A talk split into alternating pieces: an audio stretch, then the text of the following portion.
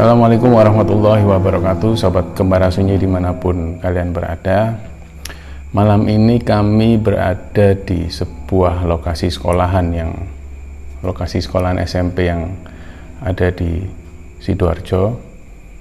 Dan kebetulan lokasi sekolahan ini sudah lama tidak ditempati karena adanya PSBB Di samping itu juga sekolahan ini memang terkenal sekali dengan uh, keangkerannya. Jadi banyak sekali kejadian-kejadian kesurupan yang uh, terjadi di sekolah ini. Kami sekarang mengambil lokasi yang ada di belakang sendiri, di mana kelas ini yang sering sekali terjadi penampakan ataupun kesurupan. Jadi sebelum melakukan syuting ini, kami sempat mengalami beberapa keganjilan dan alhamdulillah uh, sudah bisa diatasi. Kenapa kami memilih lokasi syuting di sekolahan yang angker ini karena cerita yang mau kami tayangkan ini, yang mau kami ceritakan ini berhubungan dengan kesurupan di sebuah sekolahan. Gimana ceritanya? Ikutin terus Kembara Sunyi.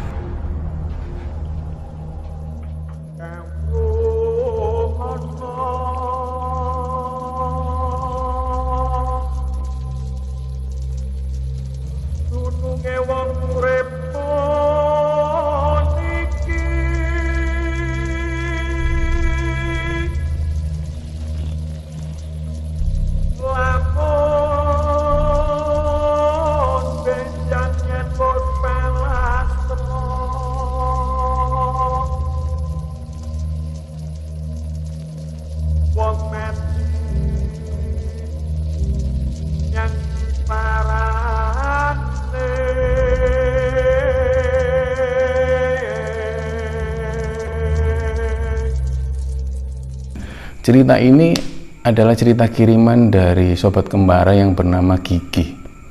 Gigi ini memang uh, dia awalnya dilahirkan di salah satu daerah di Jawa Timur yang dia sendiri bilang ke kembara sunyi tidak mau disebutkan nama daerahnya untuk menjaga privasi leluhurnya sampai ke atas gitu. Nah, ketika menginjak usia SD itu dia bersama keluarganya pindah ke Bandung. Tapi keluarga-keluarga dari Pak D, Eyang dan lain-lain masih ada di Jawa Timur. Nah, yang menarik dari Gigih ini dia bercerita bahwa uh, Eyang dan buyutnya itu dulunya seorang yang dihormati di daerahnya, terutama di bidang uh, spiritual. Jadi kakek buyutnya itu punya nama di sebuah perguruan kanuragan, ilmu kanuragan atau yang ilmu kebatinan dan semacamnya itu yang sangat dihormati. Jadi gigih punya eyang dan eyangnya ini punya bapak. Nah, bapak buyut ini yang yang uh, gigih memanggilnya buyut, tapi belum pernah ketemu. Tapi ceritanya memang beliau ini adalah guru spiritual. Nah, dengan adanya buyut gigi yang seperti itu, dia sering kali me, sering kali akrab dengan hal-hal yang seperti itu, hal-hal yang spiritual. Misalnya dikenalkan dengan benda-benda pusaka, peninggalan eyangnya, terus e, kemudian dengan hal-hal yang ganjil. Terutama sering kali saat dia kecil itu sering kali diundang oleh Pak D-nya yang ada di Jawa Timur itu untuk mengikuti kirap atau oh, pemandian benda-benda pusaka terutama di malam satu suro atau malam-malam tertentu itu. Tapi memang Eh, karakter atau jiwanya Gigi ini memang menolak untuk itu. Dia sendiri mengaku bahwa dia tidak mau terlibat di hal-hal semacam itu karena dia ngerasa tidak cocok gitu loh. Tapi memang di antara cucu-cucu atau cicit-cicitnya Eyang ini hanya Gigi yang menolak untuk itu. Suatu kali Gigi ini mendapat sebuah warisan yaitu dua benda pusaka peninggalan dari eyangnya yang dititipkan kepada Pak D-nya Kiki yang ada di Jawa Timur untuk kemudian diserahkan Kiki yang ada di Bandung. Ayahnya sendiri yang bawa benda pusaka ini untuk diserahkan Kiki secara langsung. Ketika sampai di Bandung di rumah di mana Kiki tinggal itu, benda pusaka ini diserahkan ke Kiki. Jadi ayahnya bilang, "Le iki ono warisan toko buyutmu dititipno Pak Demu rencananya arep dikekno awakmu. Iki ono dua benda itu seperti keris kecil dan satu lagi seperti benda pusaka lainnya gitu ya. Itu dibungkus dengan kain kafan yang berisi wewangian gitu. Tapi saat itu Gigi bilang enggak pak saya enggak mau gitu gitulah pokoknya saya enggak percaya gitu-gitu dan saya enggak mau membawa benda-benda pusaka semacam itu. Nah bapaknya tetap bersikuku bahwa lo iki ini warisan kok ya kamu harus terima. Semua saudara-saudaramu ini sudah dikasih sendiri-sendiri. Tapi Gigi tetap ngomong enggak aku nggak mau pokoknya. Apa pun caranya bapak ngasih aku aku tetap nggak mau. Jadi ketika bapaknya bermalam di Bandung itu benda pusaka itu ditaruh di atas lemarinya Gigi harapan bapaknya supaya uh, keesokan harinya Gigi berubah pikiran dan benda pusaka itu bisa diambil. Ternyata di hari berikutnya ketika bapaknya mau mencari benda pusaka di atas lemari itu ternyata benda pusaka itu tidak ada hilang gitu aja dan ketika Gigi ditanya Lule, neng di gamane itu mau gaman itu sebutan lain untuk pusaka. Di mana pusakanya? Kamu ambil. Iki bilang, enggak, aku sama sekali enggak tahu bapak naruh di mana, aku enggak tahu. Bapak naruh di atas lemari, enggak ada pak, saya enggak ambil, wong aku enggak suka gitu. Aku enggak suka benda-benda gitu, aku kan sudah bilang dari awal. Nah, ketika bapaknya mengalami kebingungan seperti itu, telepon masuk dari Pak D-nya yang ada di Jawa Timur Pak D-nya mengabari, mengabarkan bahwa loh, iki kok benda pusaka nih kok balik neng kene gitu loh. Jadi benda pusaka yang tadinya dibawa ayahnya Gigi ke Bandung itu ketika Gigi menolak itu ternyata benda pusakanya ada kembali di rumah Eyang itu tadi, di rumah yang ditempati Pak D itu tadi. Nah, kejadian itu masih melekat pada Gigi bahwa sampai detik itu dia menolak itu. Nah, dia bercerita bahwa memang pada waktu dia masih kecil itu ibunya sering cerita bahwa Gigi itu sering kali berbeda dengan teman-teman yang lain. Ketika waktu kecil kalau anak-anak bermain di depan halaman rumah dengan teman-temannya, tapi Gigi itu memilih bermain dengan bermain dengan teman imajinernya yang kata ibunya itu. Kamu dulu itu waktu kecil nak, kamu itu sering main sendiri, sering ngomong sendiri loh sama siapa bu ya nggak tahu kamu itu kayak punya teman sendiri gitu loh itu yang dialami Gigi tapi Gigi nggak ingat kejadian itu tapi ibunya yang berusaha mengingatkan bahwa ketika kecil dia sering kali mainan dengan seorang teman imajiner itu yang teman goibnya dia itu. Nah kejadian itu terus melekat pada Gigi jadi sering kali dia didatengin sosok yang besar gitu. Bahkan sering kali dalam mimpi itu dia didatengin leluhurnya ini yang yang guru spiritual itu datang bahwa le aku eyang ini sudah mewariskan pusaka ke kamu kenapa kok kamu tolak gitu? Dalam mimpinya Gigi berkata bahwa pokoknya aku tidak mau gitu-gitu eyang. Aku kepingin apa adanya. Dan aku tidak suka nggak terlalu suka benda-benda pusaka semacam itu. Jadi dalam mimpinya seperti itu. Menginjak kelas SMA Gigi itu mengikuti ekstrakurikuler semacam uh, ekstrakurikuler bela diri yang di mana di situ juga diajarkan ilmu kanuragan juga ilmu tenaga dalam. Nah di situ kemampuan Gigi ini semakin terasa.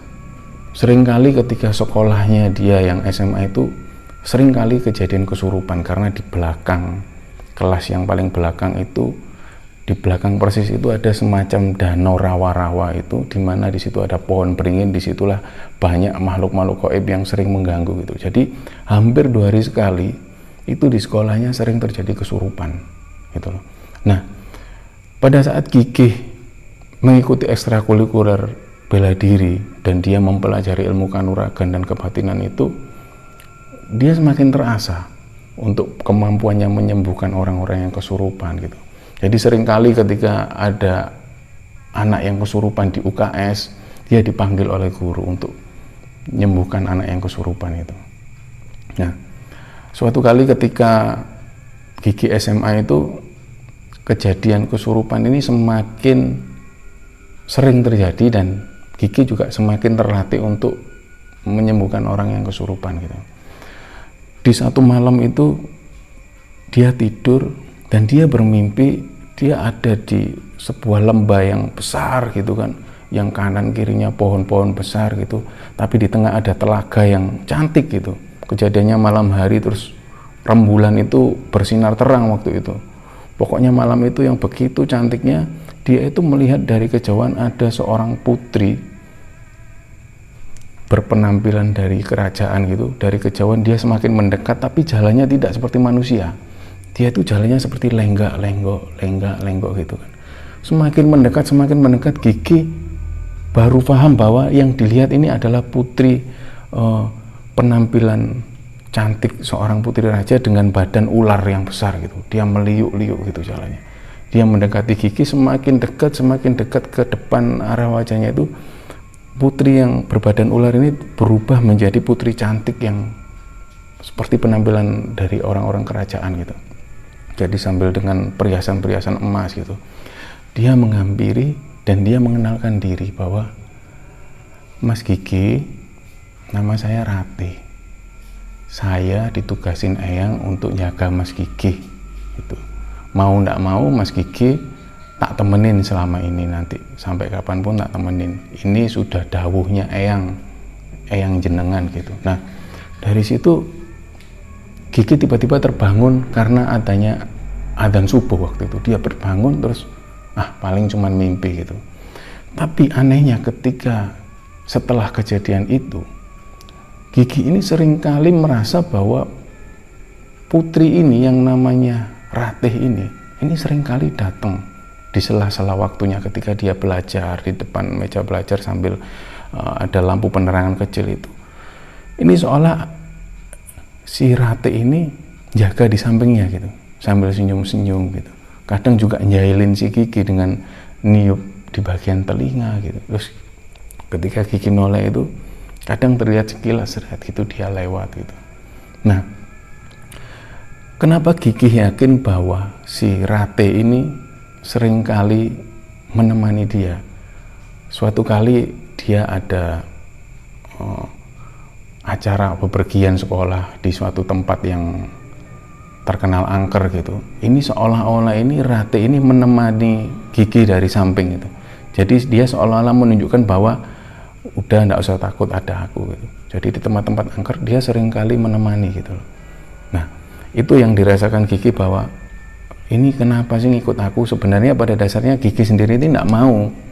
Ada yang ngikut-ngikut dia atau ada pendampingnya dia nggak mau semacam itu gitu loh sampai dia itu pernah berdoa bahwa dia berdoa kalau ya Allah aku tidak pengen ada pendamping-pendamping seperti ini. Tolong ya Allah aku tidak pengen sekali. Memang sering kali banyak membantu. Di suatu kali itu Gigi juga bertemu lagi bertemu si Rati ini. Dia datang Mas Gigi aku ini asalku dari Kudus gitu. aku dari keluarga kerajaan. Kalau Mas Gigi mau ngaji sama aku aku juga ngaji kok. Aku ini juga belajar ngaji juga gitu. Dia mengaku kalau dia berasal dari sebuah kerajaan di daerah Kudus itu. Nah dari situ Gigi terbangun lagi bahwa sering kali dia ketemu atau berkomunikasi di mimpi dengan Ratih ini tadi itu nah satu saat ketika sekolahnya mengadakan acara kesenian atau pentas seni itu ada perwakilan dari setiap kelas yang ditunjuk untuk menjadi panitia. Dan kebetulan Gigi ini juga menjadi salah satu panitia di situ. Dua hari sebelum hari H itu panitia lagi sibuk-sibuknya untuk menggodok materi acara pentas kesenian itu. Jadi satu hari itu dari mulai setelah jam 12 siang itu sampai sore mereka rapat terus.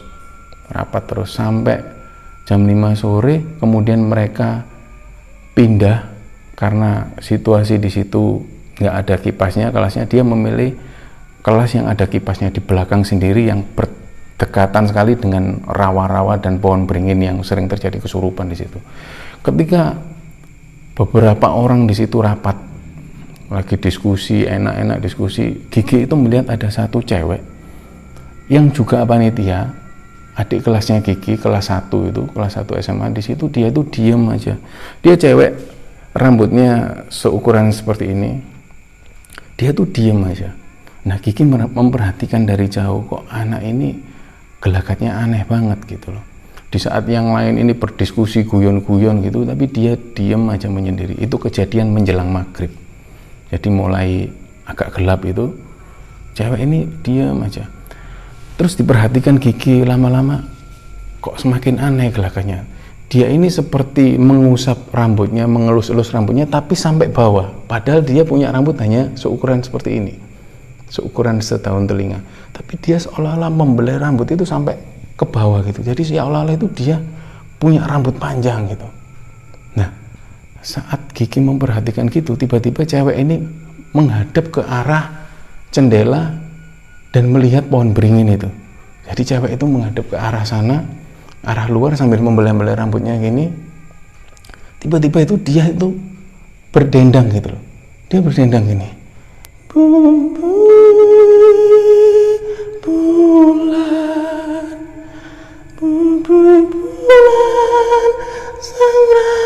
bintang. Saat itu semua teman-temannya yang ada di situ tuh diem beribu bahasa sambil memperhatikan cewek itu tadi. Ketika semua yang lokasi yang ada di situ semua diem cewek ini kemudian memandang ke arah orang-orang yang diem. Loh kok diem sih? Gitu.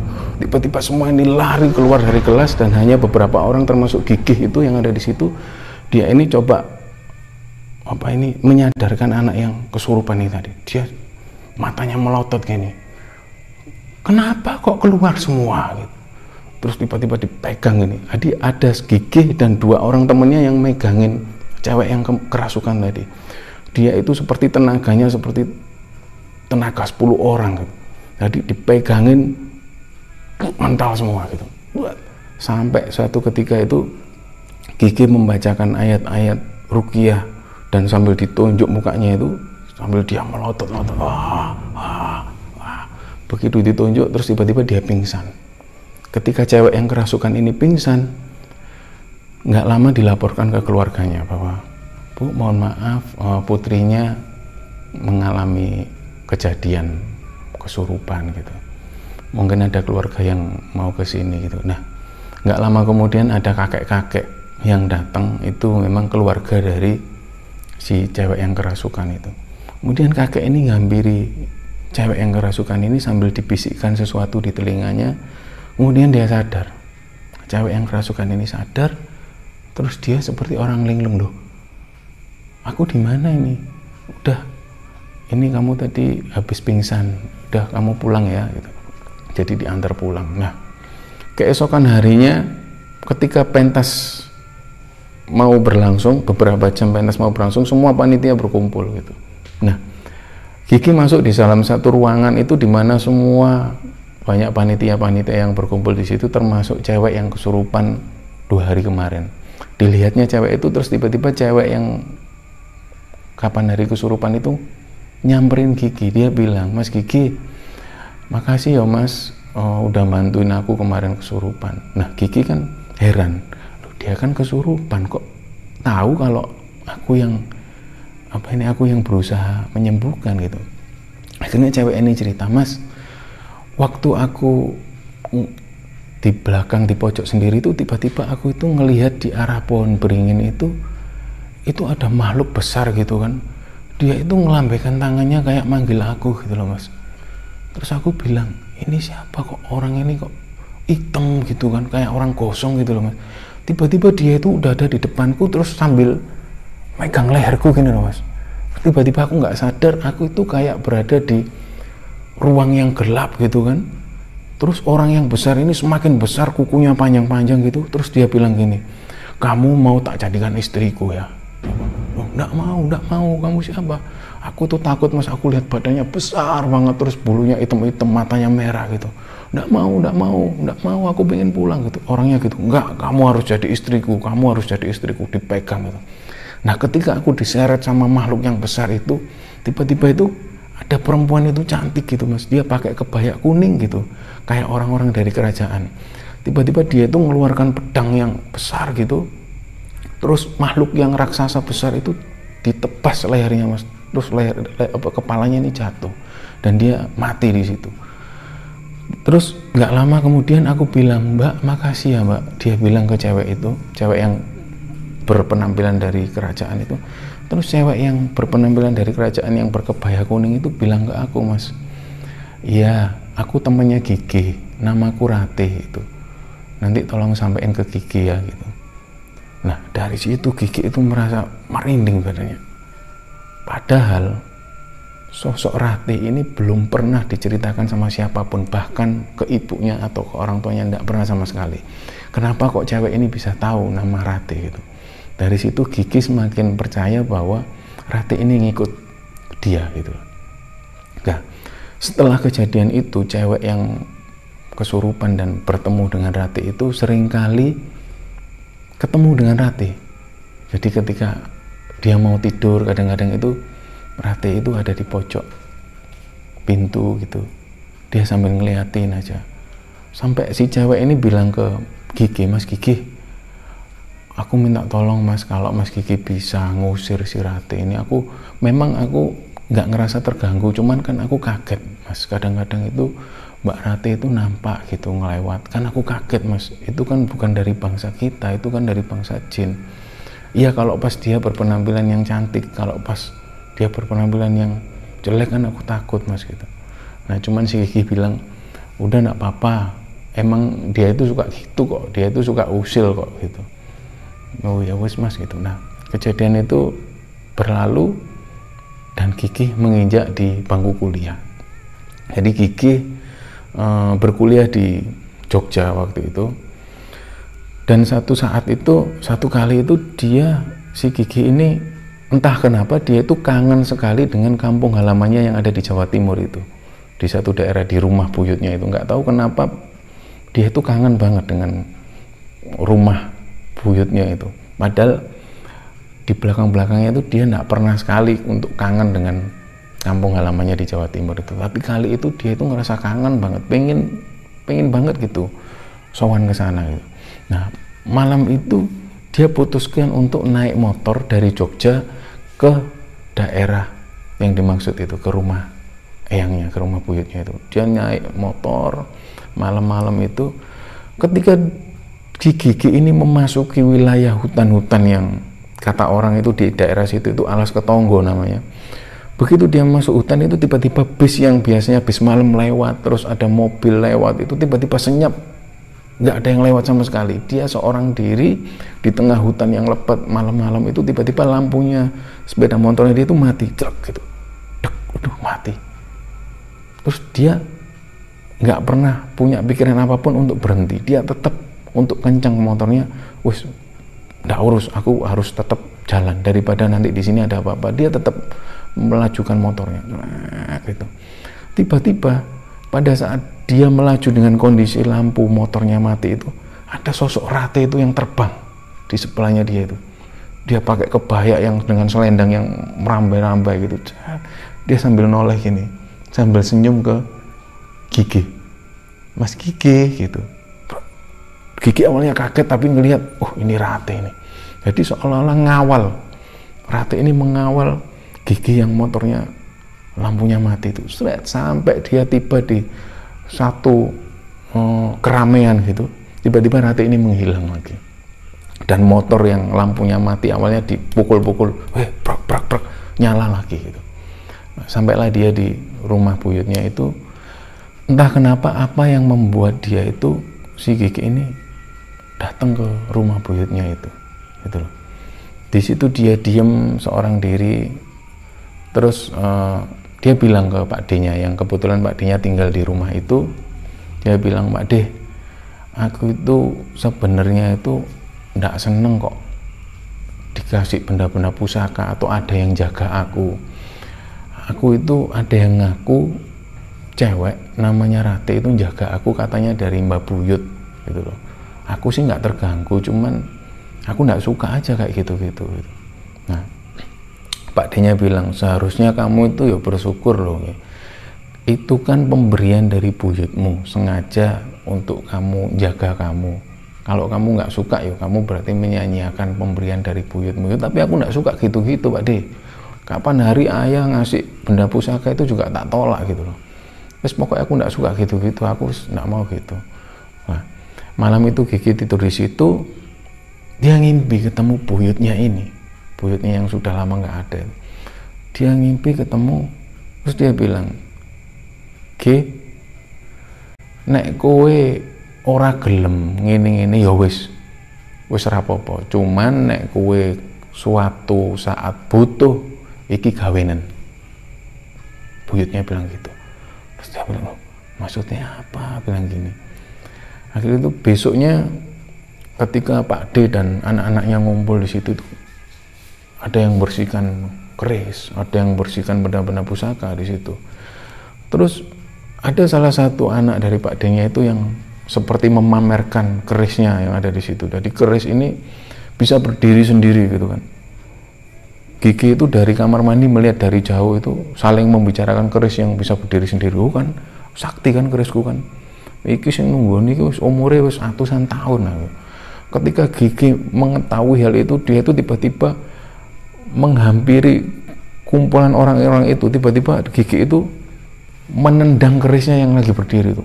Wah oh boy gak ono ini ini ini. Ini bukan ada yang ngisi Pak D. Ini karena teknologi keris ini yang canggih. Keris ini di, dibentuk atau dibikin dari material-material yang canggih ada campuran ini campuran ini. Jadi bukan masalah goibnya. Ini memang nenek moyang kita terdahulu ini yang canggih. Nah dari situ kan Pak D nya marah sama Kiki. Wah kau ini emangnya gak percaya ini ini ya aku gak percaya gini. Ini teknologi. Ini bukan masalah gaib gitu. Nah, pada saat itu sorenya Gigi pulang. Karena dia ngerasa us gak ada manfaatnya di sini. Dia pulang. Pulang kembali ke Jogja waktu kuliah terus suatu malam itu dia ketika pulang ke Bandung waktu liburan kuliah dia pulang ke Bandung dia bermimpi kalau dia ketemu dengan buyutnya lagi.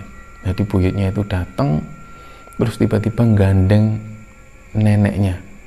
Jadi neneknya Gigi yang masih hidup yang ada di Jawa Timur itu digandeng terus buyutnya bilang le buyut melo aku ya jadi wes buyut mulai saiki melo aku gitu. Begitu Gigi ngelihat itu neneknya itu seperti naik ke kereta kencana yang besar dan bagus gitu. Ditarik dengan enam kuda yang putih-putih gitu. Kemudian berangkat keliling keliling keliling dan pergi gitu. Ketika bangun nggak lama selang beberapa menit itu tiba-tiba ada telepon dari rumah itu. Ada telepon yang mengabarkan bahwa neneknya yang ada Jawa Timur itu itu lagi sakit keras gitu. Dan semua keluarga anak-anaknya itu dipanggil untuk pulang ke Jawa Timur. Pagi itu juga satu keluarga yang gigi yang ada di Bandung itu meluncur ke Jawa Timur. Ketika sampai di Jawa Timur buyutnya itu sudah terkapar yang lemes yang nggak nggak sadar gitu. Besoknya ada kabar bahwa neneknya sudah meninggal dari situ Gigi merasa aku itu kayak ada firasat firasat bahwa itu mungkin firasat bahwa nenekku akan meninggal nah kembali lagi ke cerita Ratih bahwa Ratih itu sering kali masih hadir di kehidupan Gigi bahkan ketika Gigi sudah berumah tangga dan sudah punya anak. Suatu kali ketika anaknya Gigi ini usia 4 tahun itu tiba-tiba anaknya Gigi itu main-main ke depan dan dia itu melihat ke arah pintu ya ya itu tante Ju kuning cantik ya suruh masuk itu Nah, istrinya Gigi itu bingung. Ya, ngomong apa sih dia? Nah, Gigi yang tahu bahwa oh itu Ratih gitu. Oh iya nak, suruh masuk gitu. Nah, Gigi itu merasa bahwa oh ini Ratih gitu. Jadi Ratih itu masih ngikut Gigi bahkan sampai hari ini mungkin. Nah, tapi Gigi merasa bahwa uh, dia tidak mengganggu gitu loh. Yang unik adalah ketika Gigi bercerita pada email itu Mas, tapi nuwun sewu sebelumnya. Saya cerita ke kembar Sunyi ini untuk sharing sebenarnya. Dan sering kali ketika aku bercerita tentang Rate itu sering kali dia jahil loh mas dia tuh kadang waktu aku cerita gitu suatu kali aku waktu zaman kuliah di Jogja itu aku pernah cerita tentang Rate ke temanku kuliah. Aku itu sering di, ditemenin sama jin yang namanya Ratih yang dia jaga aku. Nah ketika seperti itu tiba-tiba tuh pintu proak gitu dan terlihat seperti sosok perempuan lewat gitu. Nah si Gigi bilang e, Mas Itang sama tim Kembara Sunyi kalau lagi ngomongin Rate atau mungkin ada teman-teman yang akhirnya kisahku ditayangkan. Kalau misalnya ada sosok Rate itu enggak apa-apa mas.